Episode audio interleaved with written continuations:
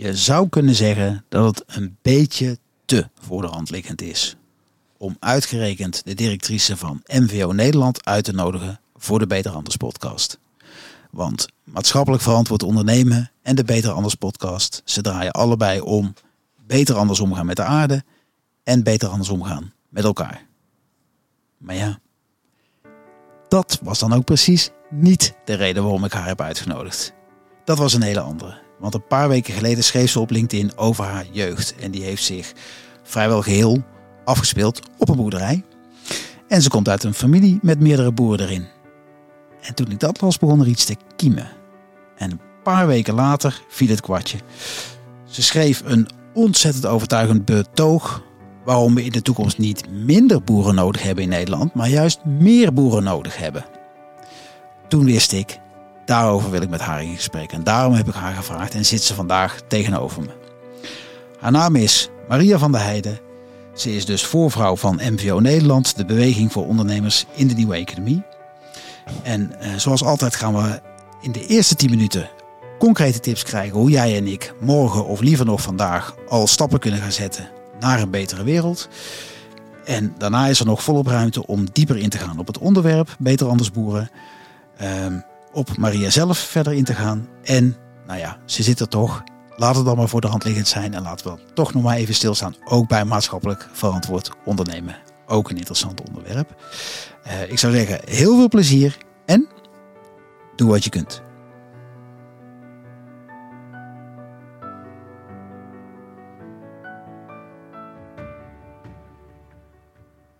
Ja, Maria, daar zitten we.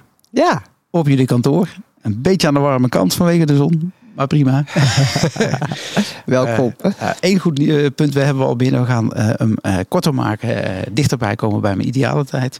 Want je moet op tijd weg. Dus daar gaan we rekening mee houden. vaste openingsvraag is eigenlijk. de, de aflevering waarin gaat over beter anders boeren. Dat is de titel die we eraan gegeven hebben. waarom ben juist jij degene die dat in een stroombestelling brengt?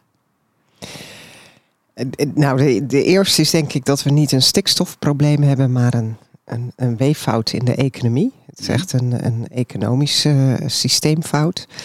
Uh, tweede is uh, dat ik eh, denk dat landbouw alle perspectieven heeft. En omdat ik uit die boerenachtergrond kom, uh, ik me daarin ook echt de spreekbuis voel om dat geluid te laten horen. Uh, en het derde is dat, uh, dat we niet minder, maar meer boeren nodig hebben. Omdat uiteindelijk boeren een bijdrage leveren aan die natuur en aan die voedsel eh, die we allemaal nodig hebben.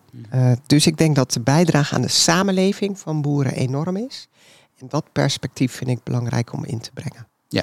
Oké, maar daarmee zeg je waarom het perspectief belangrijk is en waarom ben jij degene die dat, uh, daar het voortouw in neemt? Um, ja, omdat ik vanuit MVO Nederland natuurlijk zijn wij bezig met ecosystemen anders inrichten. Mm -hmm. Dus de economie en de ecologie op een manier combineren uh, waarin uh, eigenlijk de, de begrenzing van moeder aarde, maar ook wat we als mensen nodig hebben om gezond te zijn en, en gelijke kansen te hebben omdat dat, dat is waar ik als hè, voorvrouw van MVO Nederland inderdaad mee bezig ben. Mm -hmm. En die transities die vragen, uh, die vragen gewoon veel veranderkracht. En uh, ik vind veranderen superleuk. Ik ben echt van de verandering. Uh, mijn hele leven al. Um, en met die boerenachtergrond denk ik dat ik ook echt in die landbouw een, een, een wezenlijke bijdrage kan leveren met collega's en alle eco-systeemspelers uh, die we hierbij nodig hebben. Oké. Okay. Ja, dus eigenlijk omdat je op, op meerdere vlakken zeg maar aan, aan alle ja. uh, dimensies van het, van ja. het probleem zeg maar ja. gevoel bij hebt. Ja. Oké. Okay. ja, de tips. Ik zag je net een klein beetje, oh ja, volgens mij een onverbaal doen. welke tips? We, ja, ik hou meestal drie aan of zo. Dan hebben we hè, net genoeg om te kunnen kiezen en niet te weinig om en tips voor de Voor de luisteraars. Nee, voor de luisteraars. Dus wat kunnen de luisteraars doen uh, uh, morgen, vandaag, zeg maar, in, uh, in, in hun gebied? Nou, snap ik dat ze niet moeten gaan boeren, hè? dat is niet de vraag. hoewel je het misschien in je eigen tuin ook wel wat meer groen kunt brengen. Maar um, nou, op welke zou... manier kunnen ze daar een bijdrage aan die transitie? Iedereen kan een bijdrage leveren. Ja. Dat is één. Hè? En dat betekent dat je zelf een stap vooruit zet. Is dan mijn eerste tip. Dat je zelf een stap vooruit zet in die transitie. En als jij consument bent, kijk dan gewoon in de winkel. Welk product wil ik kopen? wil ik een product kopen waarbij een boer ook een eerlijke prijs heeft? Kies dan echt voor een korte keten dus een product wat uit de nabijheid komt. Uh, het liefst dat je echt weet waar het vandaan komt. Maar dat je vooral ook een eerlijke prijs betaalt. Uh, en dus, dus, dus dat is mijn eerste tip. Zorg, hè, verandering kun je kopen. Dus zorg dat je in je koopgedrag, ook als ondernemer, uh, datgene koopt waar wat bijdraagt aan die transitie. Dat is één. Ja. Twee, mijn tweede tip is alleen ga je sneller Samen kom je verder. Dus werk samen. Uh, we hebben echt elkaar heel hard nodig om deze transitie uh, vorm te geven. En mijn derde tip is: uh, leven is het meervoud van lef. Ehm, dus zorg ook dat je, dat je hierin ja, echt, echt, echt vooruit durft te stappen. En, en, en moedig jezelf aan en de mensen om je heen om het anders te doen. Dat zijn ze. En waarom is die uh, laatste uh, met name belangrijk? Ja, lef, uh, dat is altijd met verandering. Dat vraagt iets anders. En dat betekent dus ook dat je nadenkt over he, die disruptie, die hebben we ook echt nodig nu. Dus niet een klein beetje meer of een klein beetje anders. Nee, we moeten echt zaken veranderen. En daarin heb je lef nodig om uh, voorop te lopen. En dus niet alleen te denken van hé, hey, vindt iedereen dit? Nee, misschien is die groep heel klein. En ik vertegenwoordig natuurlijk een netwerk van koplopers. Het zijn eigenlijk allemaal mensen met lef die voorop lopen. Uh, ja, en dat, dat lef, ja, moet, uh, maar ook gecombineerd met, uh, ik zeg wel eens, hè, stel je doelen groot, uh, maar betekent ook dat je kleine acties kunt nemen dus, dus grote doelen, stip op de horizon, uh, die is er wel. Maar hoe zorg je dat je daar naartoe gaat? En hoe realiseer je ook zelf verschil? Dus blijf altijd, wat mij betreft, in die cirkel van invloed zitten. Mm. En die cirkel van concern, van waar je druk over maakt, is natuurlijk enorm. Dus al die uitdagingen die we hebben wereldwijd. Dus wij en ik werken elke dag opnieuw om de wereld een stukje mooier te maken. Maar waar heb ik dan invloed op? En wat kan ik doen? En ik zou iedereen, alle luisteraars willen oproepen om daar voor zichzelf heel goed over na te denken. En pak dan iets wat heel dicht bij jezelf ligt. Omdat, ja, nogmaals, die taart met uitdaging is enorm. Uh, uh, maar pak een stukje van die taart waar je het verschil op kunt maken.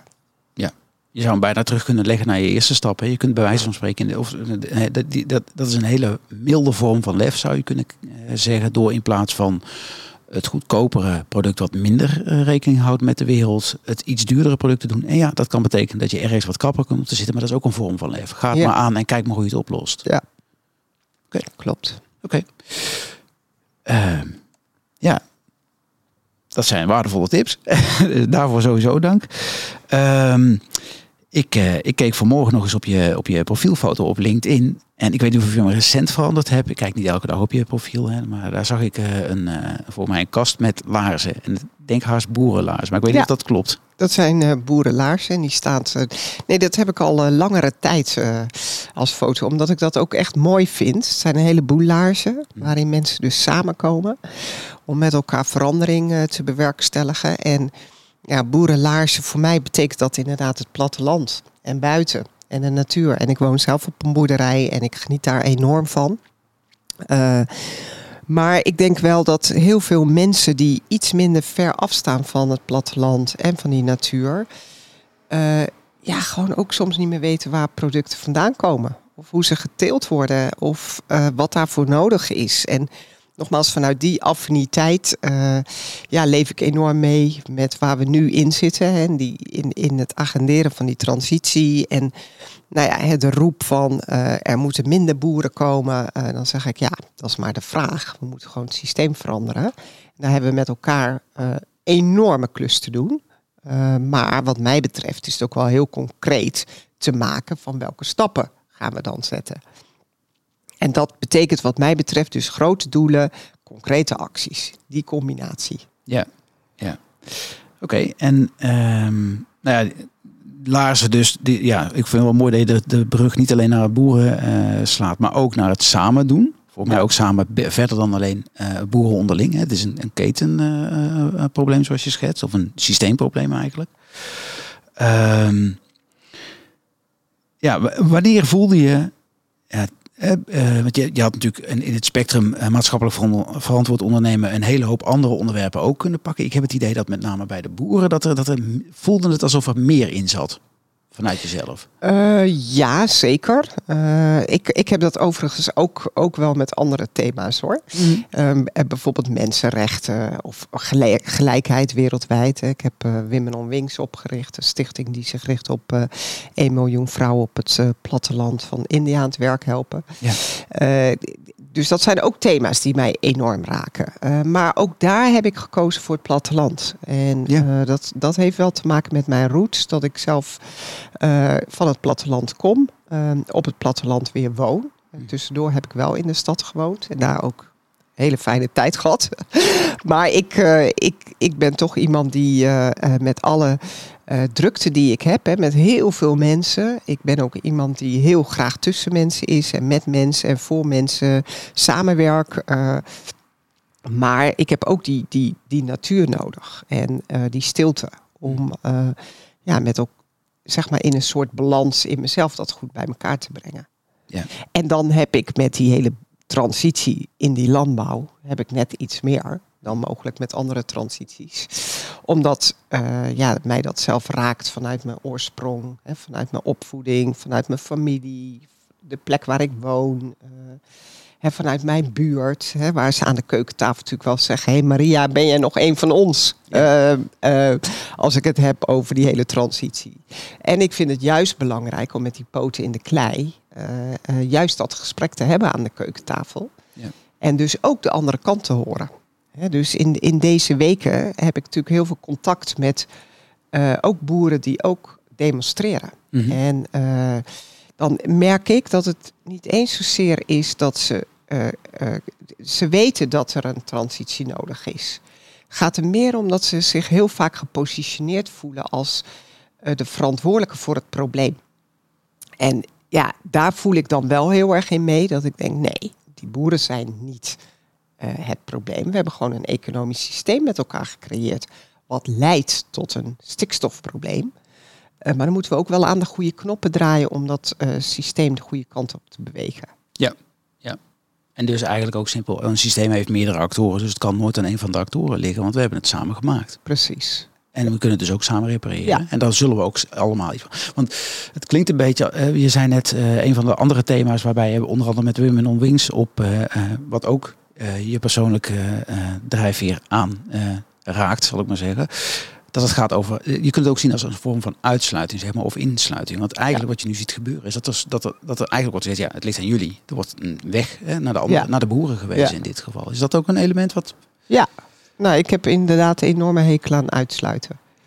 Uh, dus ik denk dat het heel belangrijk is dat we insluiten en dat we mensen erbij betrekken. En met die mensen zelf ook het veranderpad uh, uh, creëren. Ja. En nogmaals, wij werken al met heel veel boeren. Die dat veranderpad echt aan het bewandelen zijn. Die laten zien dat het kan en dat het werkt en dat er een verdienmodel in zit. Ja, en dat, dat gaat er eigenlijk om dat we dat verder opschalen. Ja ja, ja precies. Dus het, bewijs, het bewijs ligt er al. Een kleine kopgroep is ermee bezig. Het kan dus gewoon. Het is nu zaak om de grote groep die nog, nou, laten we zeggen, bibberend aan de rand van het zwembad staat, om die te motiveren om ook te, uh, daar, daaraan te gaan beginnen. Ja, ja. Oké, oké. Ehm, ja, ik uh, ga iemand anders het, uh, het woord geven. En dat is Ellen, met wie jij samen Women on Wings gestart bent. Oké. Ze heeft een vraag. Hey Maria, um, nou, ik heb een vraag aan je. Wat zou jij doen um, als jij de minister van Natuur en Stikstof zou zijn op dit moment? Wat zouden dan de eerste stappen zijn die jij zou willen zetten? Ben heel nieuwsgierig om te horen wat je dan zou doen. Nou, leuke vraag, uh, Ellen. Dankjewel. Uh, ja, en dan, dan begin ik toch even bij vandaag. Uh, uh, van, vanochtend een interessant stuk in het FD over dat we geen bemiddelaar nodig hebben, maar dat we eigenlijk een transitieregie nodig hebben. En daar ben ik het helemaal mee eens. Dus we kunnen een bemiddelaar aanstellen voor het gesprek, maar eigenlijk weten we best wel wat er moet gebeuren. En laten we daar nou eens regie op nemen. En laten we die transitie nou eens een keer echt omarmen en met elkaar de hele keten het, het gesprek hebben om te kijken hoe dan. Ja, precies. Want dan refereer je aan de, aan de, de keuze om uh, bemiddelaar uh, Remkes in te zetten. Om tussen de twee partijen, uh, voor degenen die het niet gelezen hebben, ja. om die in te zetten en, en bemiddelaar. Terwijl eigenlijk wat je zegt is, joh, de, de, de puzzelstukken liggen al op tafel. Ga ja. nou eens kijken hoe je ze goed in elkaar kunt klikken. Ja, met de betrokken actoren. Juist. He, met, dat als, met, ik, als ik nu minister zou zijn, dan zou ik zeggen, hey, dit zijn de stikstofdoelen. Uh, maar laten we nou eens met de actoren gaan kijken hoe we dat voor elkaar gaan krijgen. En eigenlijk heeft ze die uitnodiging ook wel gedaan. Hè? Zij heeft uh, uh, drie, vier weken geleden inmiddels gezegd: dit zijn de doelen.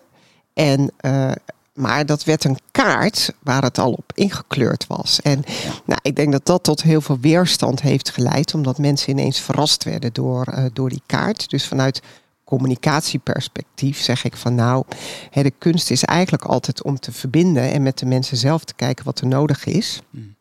Um, en, en nu, ja, de Tweede Kamer heeft natuurlijk gezegd, hé, hey, we moeten meer naar die verbinding kijken. En dan kun je zeggen, oké, dan stel ik een bemiddelaar aan, uh, zoals Johan Remkes. Uh, maar de vraag is of we dat nodig hebben of dat we echt gewoon in, in, in de uitdaging uh, kunnen stappen met elkaar van hoe dan?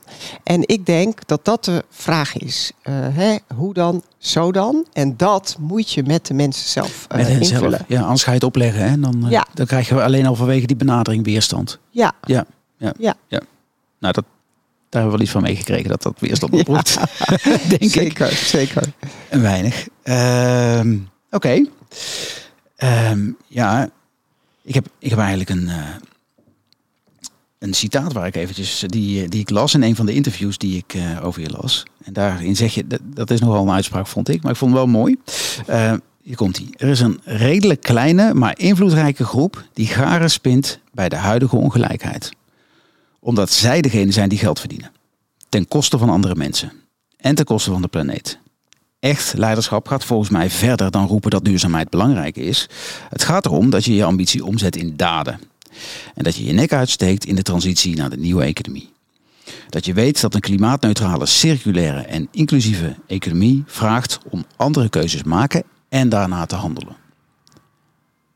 Dat zijn heel veel statements in een heel mooi kort stuk. Compliment alleen al daarvoor. Maar, uh, Goed dat je dat gevonden hebt. Ja, ja die viel nogal op. Dus, uh, en hij raakte mij ook. Ik geloof hier ook in. Uh, ja, wat, maar je zegt er ook nogal wat mee. Ja, en, en ik vind dat ook best heel wonderlijk. Hè? Ik ben nu uh, zes jaar uh, voorvrouw. Uh, van een beweging waarvan ik denk, hé, hey, die is zo logisch. We hebben met elkaar een klimaatakkoord, we hebben een grondstoffenakkoord, we hebben een Sustainable Development Agenda. Dus de, de, de stip op de horizon waar we naartoe moeten is zo duidelijk. En ik zit hier nu zes jaar. Ik weet nog, in 2016 begon ik. En in het najaar van 2015 mm -hmm. zijn die Sustainable Development Goals afgesproken en het klimaatakkoord in Parijs. Dus toen ik hier op deze positie kwam, dacht ik, nou, dan gaan we aan de slag. We gaan dit echt even in tempo uitvoeren. En wat je dan merkt, is dat er gewoon echt, ja, het gaat gewoon zo traag. Uh, en, en vanuit de koplopen beweging heb je juist ook die schaal op een gegeven moment nodig. Hè? Dus de marktvraag, hè, verandering kun je kopen, maar op het moment dat die markt niet onvoldoende beweegt, omdat er spelers belang hebben bij het huidige systeem. En, en ik zie dat dat niet voor de bühne, maar achter de bühne in, uh, uh, ja, ik zag wel eens uh, misschien wel de vierkante kilometer van Den Haag, rond de Bezuidenhoutse weg, dat mensen daar met elkaar regelen en daarmee dus ook de vertraging uh, uh, in stand houden.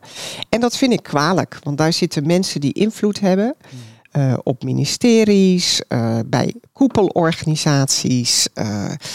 en waarom gaat daar dan dat tempo niet wat verder omhoog? Want iedere dag dat we niet handelen, dat we niet de juiste keuzes maken, kost de komende generaties meer. Ja. En daarvan zeg ik, ja, dat is toch een beetje raar.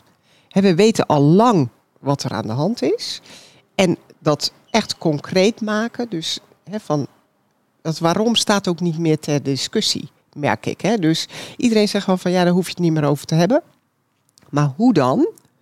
Dan zeg ik ja, daar vind ik nog te weinig eh, eh, concrete stappen in eh, gezet worden. En dan denk ik alleen maar van ja, er zijn echt enorm veel invloedrijke mensen die dat nogmaals niet zichtbaar, onzichtbaar tegenhouden. En dat vind ik jammer. Maar je, benoemt uh, Bezuidenhoutseweg, Den Haag dus, hè, de Binnenhof. Ehm, of hè, de, vierkante kil- kilometer, laten we hem daarop eh, ophouden.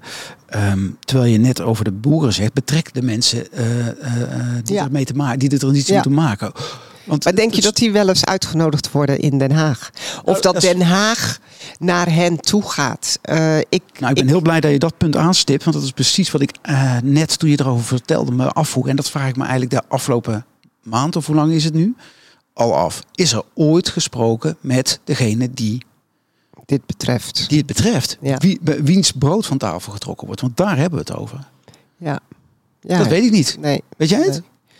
Nee. Ehm, nee, en ik denk echt onvoldoende. Echt onvoldoende. Omdat eh, er ook.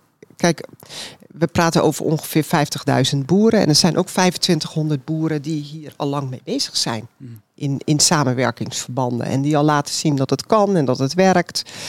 En eh, die 2500 boeren, die. ehm, die ja, of die dan voldoende uitgenodigd worden om te Door de laten andere boeren. Door de, bijvoorbeeld ook. door de andere boeren, door eh, agrarische organisaties, coöperaties, eh, eh, Ja. retailbedrijven. Iedereen die een rol heeft in dat hele systeem. Maar ook inclusief de overheid. Eh, en dan bedoel ik en de politiek en de ambtenaren.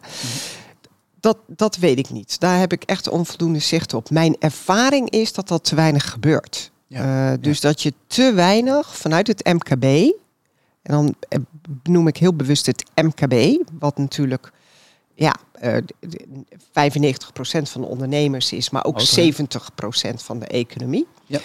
Ehm, ja, dat, dat is niet zo vanzelfsprekend. En kijk, de grote bedrijven die hebben natuurlijk een enorme eh, eh, lobby en die hebben die organisatie om in die vierkante kilometer hun rol te vervullen. Je kunt daar mensen betaald inzetten, hè? simpel gezegd. Ja, Ja. en er zijn natuurlijk een heel, heleboel MKB-bedrijven die die eh, eh, slagkracht niet hebben.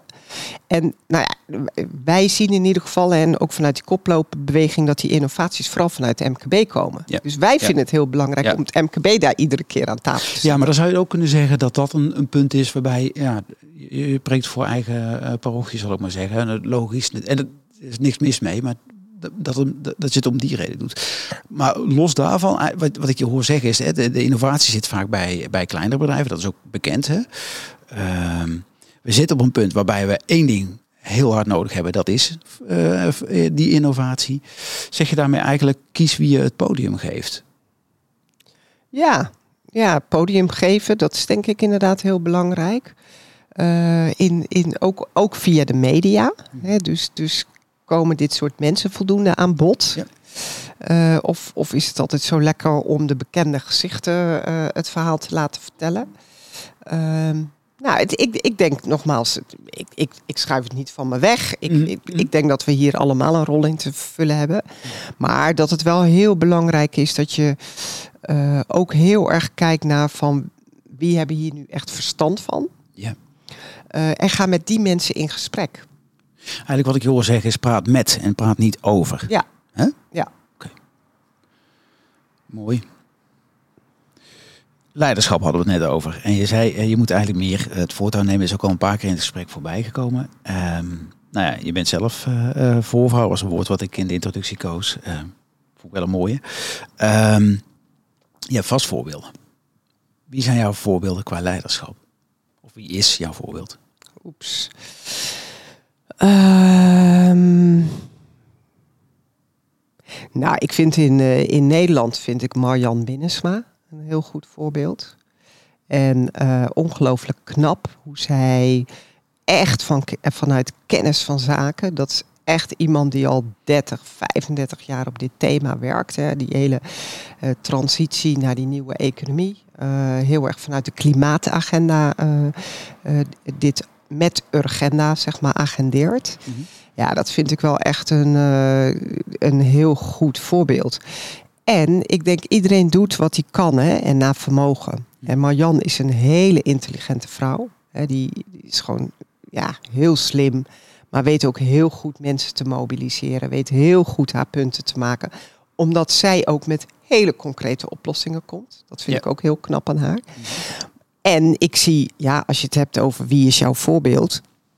Ik vind ook mijn moeder een voorbeeld. Is een heel ander voorbeeld. Nou, vertel. Dat zijn de mooie. Nou ja, ik Ook. denk dat zij Ja. eh, hè, als, als boerin eh, haar hele leven enorm ten dienste heeft gestaan van haar gezin. Eh, eh, bijvoorbeeld vind ik ook leiderschap. Hè? Dat je een, een, een route kiest die voor jou persoonlijk belangrijk is. En dat je daar vol in eh, leeft. Ze is nu eh 90 en zij zegt altijd van nou, Marietje, ik heb, eh, ik heb een mooi leven gehad. En eh, ik heb de dingen kunnen doen die ik graag wilde doen. En dat wil niet zeggen dat een leven dan over rozen gaat. Hè, ze heeft ook echt hele moeilijke dingen meegemaakt. Maar ja, wel iemand die dankbaar terugkijkt. En, en dankbaarheid, als je het nou hebt over leiderschap, vind ik dat bijvoorbeeld een heel belangrijk thema.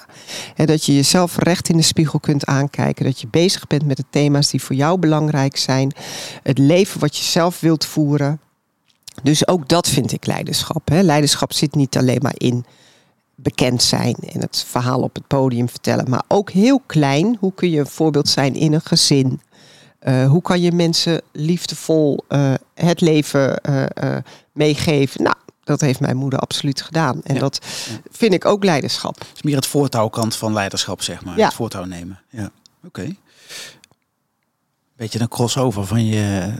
Een mooie dat je je moeder noemt. Ehm, als je kijkt naar je eigen leiderschap binnen, binnen jouw rol, zoals je dat eh, vult, dan heb ik met name over het, het aanjagen van de nieuwe eh, economie. Welk deel van je moeder denk je, dat zou ik misschien nog wel wat meer erin willen brengen? Oeps, geduld. Ja. Geduld. Mijn moeder is heel geduldig. Nou, als ik iets niet ben, dan is het dat. Eh, ja, ja, nee, dat, dat stuk zou ik wel. en terwijl transities eigenlijk heel veel geduld vragen. Hè? En, eh, maar ik ben, al, ik ben van aard gewoon toch redelijk ongeduldig. En dan denk ik van ja, kom op zeg, wat een trage bedoeling. Terwijl ik ook weet dat vertragen nodig is om met elkaar het goede gesprek te voeren. Om met elkaar echt goed na te denken over wat is er nodig. En nou, ja, bijvoorbeeld, eh, de- ik heb met Ellen eh, samen, die eh, net de vraag stelde, Women on Wings opgezet. En ik geloof dus ook heel erg in dat duaal leiderschap. Hè, wij waren een hele goede combi. Ja. Waarbij zij heel goed strategisch eh, eh, nadenkt over wat is de route en, en, en welke stappen hebben we te zetten. En ik enorme daadkracht heb. Eh, dus dat was een hele mooie combi. En ik geloof ook echt dat dat in leiderschap nog veel meer ingezet kan worden. Het DSM heeft nu duaal leiderschap. Bij Touw is het nu zo. En ik, ik denk dat dat echt supergoed is. NVO had het ook bijna gehad, begreep ik. Vertel. Nou, dat zei... ehm, ehm, oh ja, ik en namen. Ehm, Marije? maar nee, de, de dame van eh, eh, Natuur en Milieu. Eh, Marjolein Demmers. Marjolein ja. Demmers. Ja, want Ja. die was in de tijd dat, eh, dat, dat jij net begonnen was, Ja. vlak daarna geloof ik, begon zij op Natuur en Milieu. En Israël, of bij, op, eh, sorry, op De groene zaak. de Groene Zaak, dat was het. En dat is gefuseerd. En hebben jullie gesproken over, maar goed. Ja. Nee, dat klopt. Over duale leiderschap. Ja, dus dat is bijna geweest. Nee, met Marjolein was dat ook een hele goede combinatie geweest. Ja. Dat, Ja. eh, dat had, hebben had ik toen echt gehoopt. Maar toen is zij ineens naar natuur en milieu gegaan. Ja, dat was mij. Ja, Ja. nee. En ik gun natuur en milieu Marjolein heel erg. Omdat Marjolein ook echt een super vakvrouw is. Ja. Eh, maar ik kon heel erg goed met haar werken. Omdat wij ook inderdaad heel aanvullend zijn. Ja, ja. Nou, dat de- over dat geduld. Wat het mooie is dat, dat ehm, Oh mijn god, ik ga echt helemaal, helemaal blind op de namen. duurt bij mij altijd heel lang. Eh, Ellen, die vertelde ook dat in de, de opmaat naar Wing, Women on Wings... dat het best een tijd, een, een lange uh, baartijd, als ik het zo mag noemen, uh, gehad heeft. En wat ik een heel mooi moment vond, was dat ze me vertelde... dat, je, dat, dat, dat jullie wel wisten, well, het is iets met India, daar zijn je ook geweest willen er wat mee. Wisten ook al volgens mij wel dat het met platteland, maar wat dan precies? En dat jij toen uiteindelijk, dat, dat, dat duurde voor, voor mij als luisteraar, dacht ik, oh, dat is best een, best een, daar hebben ze best een mooie de tijd voor genomen. Ik waardeer dat wel. Um, maar dat je uiteindelijk dus ook, uh, dat je maar, dat, dat dus je hebt de verbinding in stand blijven houden, ook al was er niet per se direct een aanleiding tot de verbinding. Ja, klopt. Ja. Maar dat was wel omdat we denk ik alle twee voelden dat hier potentie in zat. Ja. ja.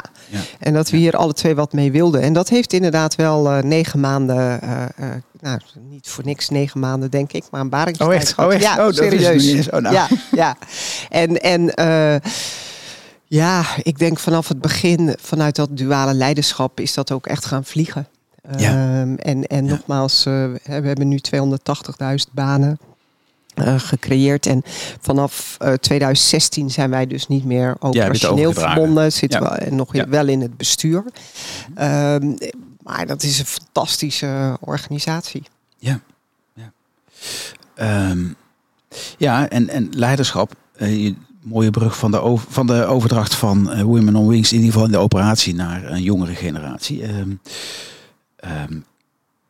wat ik las is dat je, je hebt ook uh, Talita Muse uh, volgens mij in de uh, Raad van Commissarissen. Raad van Toezicht. Raad van Toezicht, ja.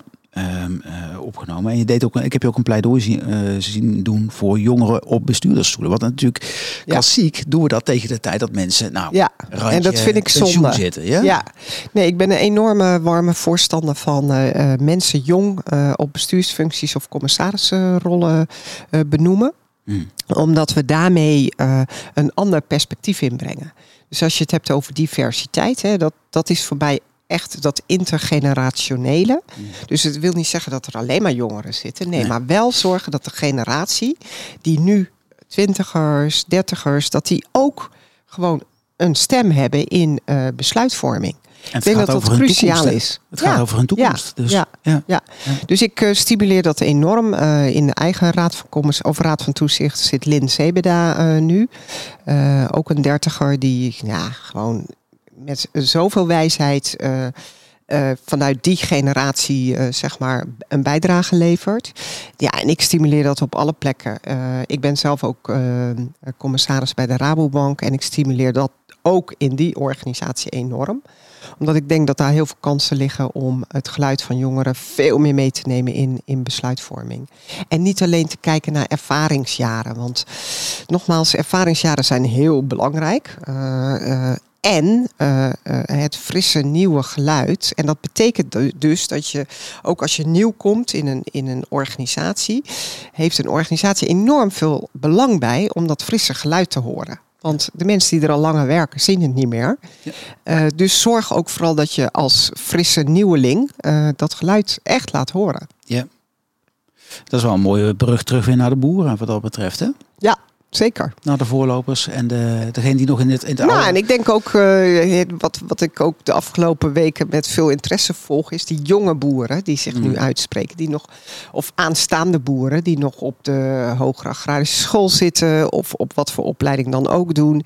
En die dus heel graag dat vak uitoefenen. Maar ook wel zien dat er een aantal dingen anders kunnen of moeten. Uh, ja, dan denk je van ja, er is zoveel potentie bij die groep om dit met elkaar anders in te richten.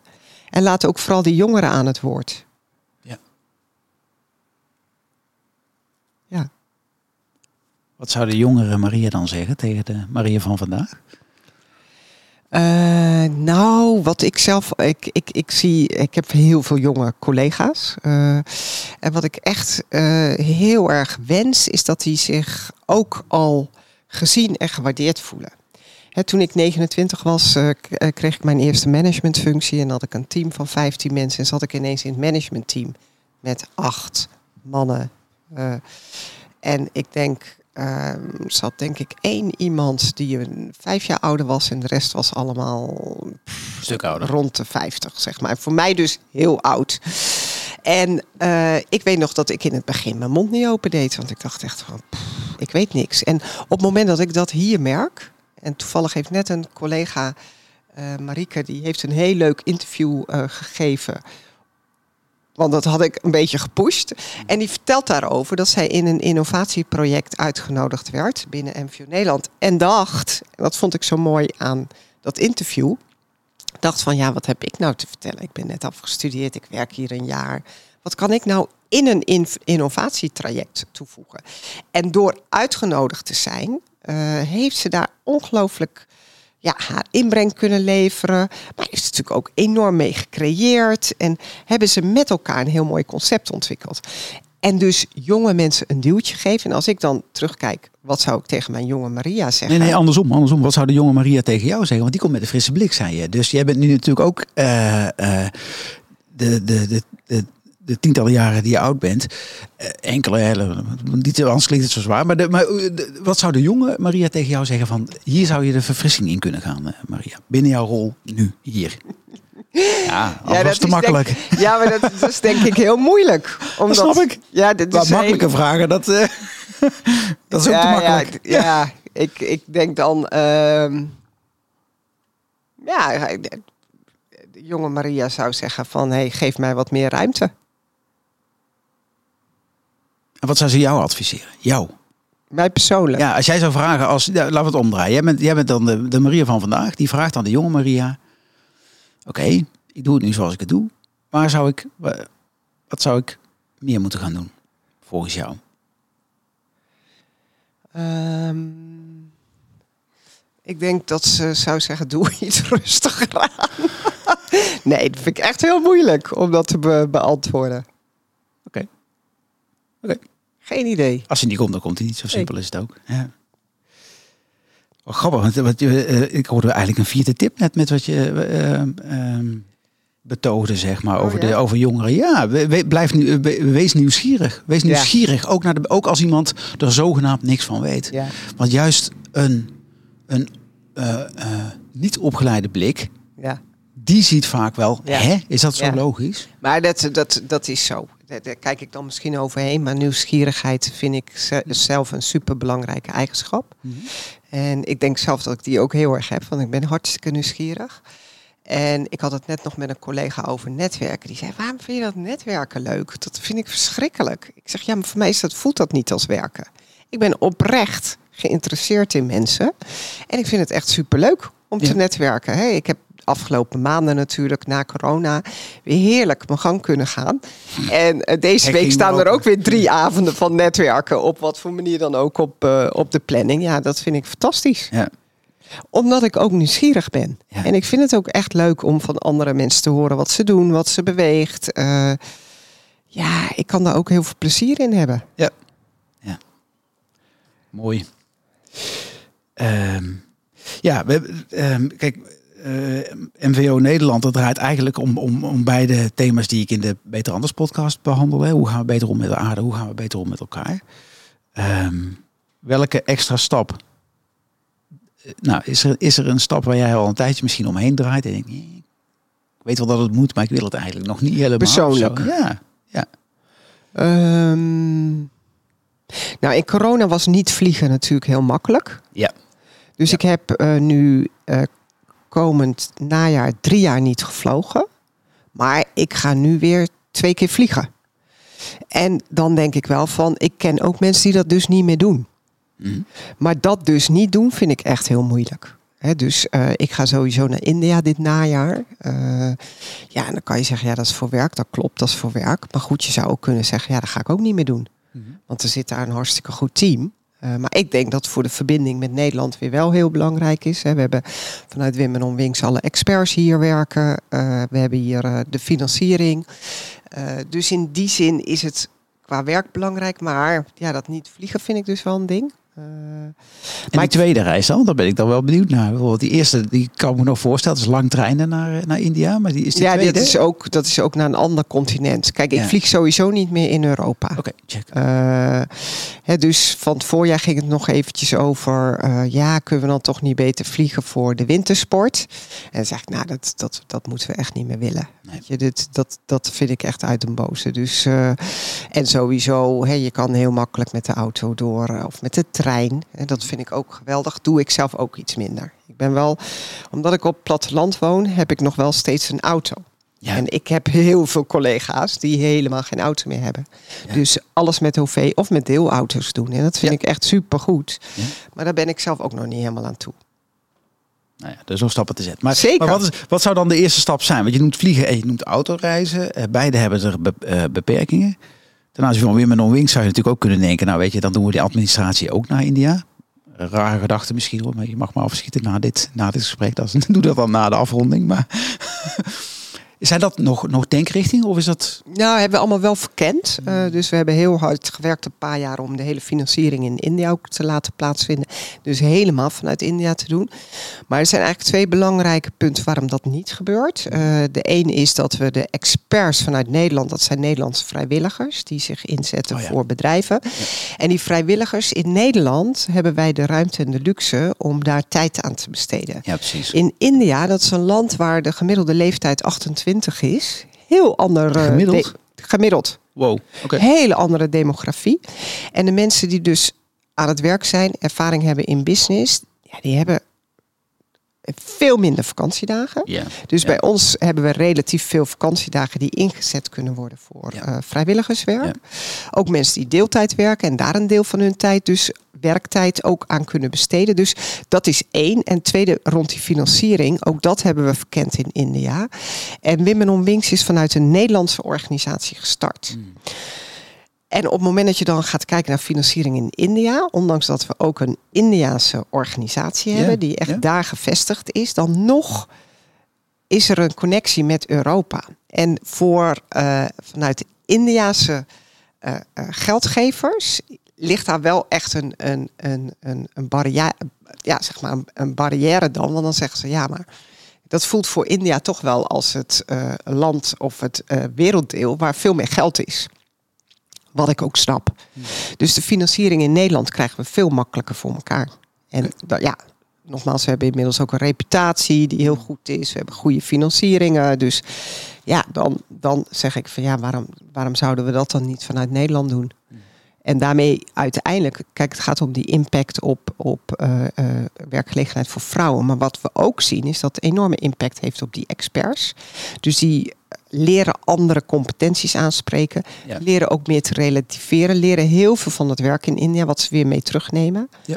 Eh, worden zich bewuster van duurzaamheid, van alle uitdagingen die er zijn, van gelijkheid. Nemen dat mee terug in hun business hier. Dat is ook een super belangrijke impact. En voor die financiers geldt hetzelfde. Het zijn, over het algemeen zijn het familiefondsen die eh Women on Wings financieren. En daarmee brengen zij ook kennis in hun eigen organisaties. Ja, precies. Eh, en leren ja. daar dus ook van. Dus, dus met het verplaatsen zou je ook heel veel kruisbestuiving over de landen, continenten eh Ja. weg zien vallen, zeg Ja. maar. Ja, oké. Ja, je, je- toen ik net vroeg van joh, eh, waar zou je, eh, welke, welke duurzame stap zou je eh, willen stellen, vroeg je eerst persoonlijk. Ehm, ik zie ook op een aantal eh, eh, plekken zie ik je signalen afgeven. Dat deed je net ook. Je bent ongeduldig. Eh, je hebt letterlijk gezegd, het, tenminste dat stond letterlijk opgeschreven. Het schiet nog steeds niet op met duurzaam ondernemen in Nederland. Ja, daar ben jij de voorvrouw van. Ik heb gehoord dat je ook hè, dat, dat, dat, dat die groei wat minder hard gaat dan dat je zou willen. Welke extra stap is daar nodig? Ehm, nou, ik denk dat wij nog, nog eh, scherper ons verhaal kunnen brengen. Dus het vermarkten van onze boodschap. En eh, hè, toen ik bij MVO Nederland eh, eh, kwam, was het. Het is ooit ontstaan vanuit een ministerie. Vanuit het Oh. ministerie van Economische Zaken. Ja, dat is al lang achter ons. Ja. Maar die hele beweging van een zelfstandig bedrijf zijn, daarin ook ondernemend zijn, daarin je eigen positionering kiezen, eh, jezelf in de markt zetten. Ja, daar heb ik de afgelopen jaren al veel werk op verricht. Maar daar ben ik nog niet helemaal. Ik denk dat dat nog veel sterker kan. En eigenlijk zeg ik van ja, het zou. Hè, wij zouden een soort, soort, soort honingpot moeten zijn waar iedereen op afkomt en mee gaat doen. En ja, dat heeft ook te maken met hoe, hoe sterk zet je zelf je verhaal in de wereld. En ik denk dat we daar nog wel iets te doen hebben. Heb je het dan over wervende kracht of verbindende kracht? Ja, die combinatie. Het gaat en om werven, maar het gaat ook om verbinden, toegevoegde waarden zien. Uh, ik geloof heel erg in de intrinsieke motivatie. Uh, dus hoe spreken we dat aan hè, bij mensen? Uh, en ook daar die samenwerking die daarvoor nodig is. Kijk, individuele bedrijven ehm, die die kunnen op allerlei manieren stappen maken. Maar waar wij denk ik een rol in vervullen is heel erg in die samenwerking, in de keten, rond thema's, in sectoren. En dus een sectortransitie tot stand brengen. Hè, zoals in de landbouw. Dat geldt ook voor de gebouwde omgeving. Dat klinkt bijna, dat klinkt bijna alsof, uh, alsof daar... Uh, um het is dawning, zal ik maar zeggen. Het, het, het begint uh, op te komen, zal ik maar zeggen. Het moment waar, je, waar jullie je rol ja, vullen, of ja. Omdat, omdat zoveel moet gaan veranderen en over de ketens heen. Oh ja, dat, dat zou ik ook zeggen. Is, we zitten in de orkaan, hè? dus het is this is the moment. Ja. Hè, dit is het moment, nu. Kijk. Om inderdaad ja, stevige stappen te zetten. Dus uh, ja, ik, uh, ik kijk er naar uit. Ik uh, vind het wel echt een gaaf moment om op ja. deze plek te zitten. Ja. Absoluut. Dus de beste jaren komen nog. Ja, zeker weten. Kijk. Ja. Nou, een hele mooie. Gezien de tijd, want je uh, moest op tijd weg. Uh, dus daar houden we rekening mee. Uh, gaan we naar een afronding. Ik heb de drie mensen ehm, die je me aanleverden, zeg maar, die jou kennen, gevraagd of ze jou een compliment wilden geven. Dat is oh. vast de afsluiting van, van de podcast. Daarna gaat de outro erin en dan zit het erop. Oké. Okay. Dankjewel alvast. Ja. Komt-ie. Eerst uh, Marije. Je uit te spreken, het ongemakkelijke gesprek aan te gaan. Dat is Deze gaan we even opnieuw doen, want hij is, het eerste stuk is weggevallen. Ik had de schuif nog dicht. Komt Maria, jij durft je uit te spreken, het ongemakkelijke gesprek aan te gaan. Dat is stoer en nodig. Een voorbeeld voor veel vrouwen. En voor mannen trouwens ook. En Ellen? Dag Maria. Uh, ik wil je complimenteren met jouw stralende positieve kijk op de wereld en de mogelijkheden die er zijn. Uh, je creatieve kijk op problemen en de vertaling naar actie of het bij elkaar brengen van mensen die in actie kunnen komen. Um, fantastisch. En Marjolein? Maria, ik wil je graag een compliment maken hoe je bedrijven blijft aanmoedigen om meer tempo te maken in verduurzaming. En uh, met de authentieke stijl die je daarbij hanteert. Je durft daarbij ook het ongemak te benoemen. En dat inspireert. Nou, zet hem op. Moedig voorwaarts.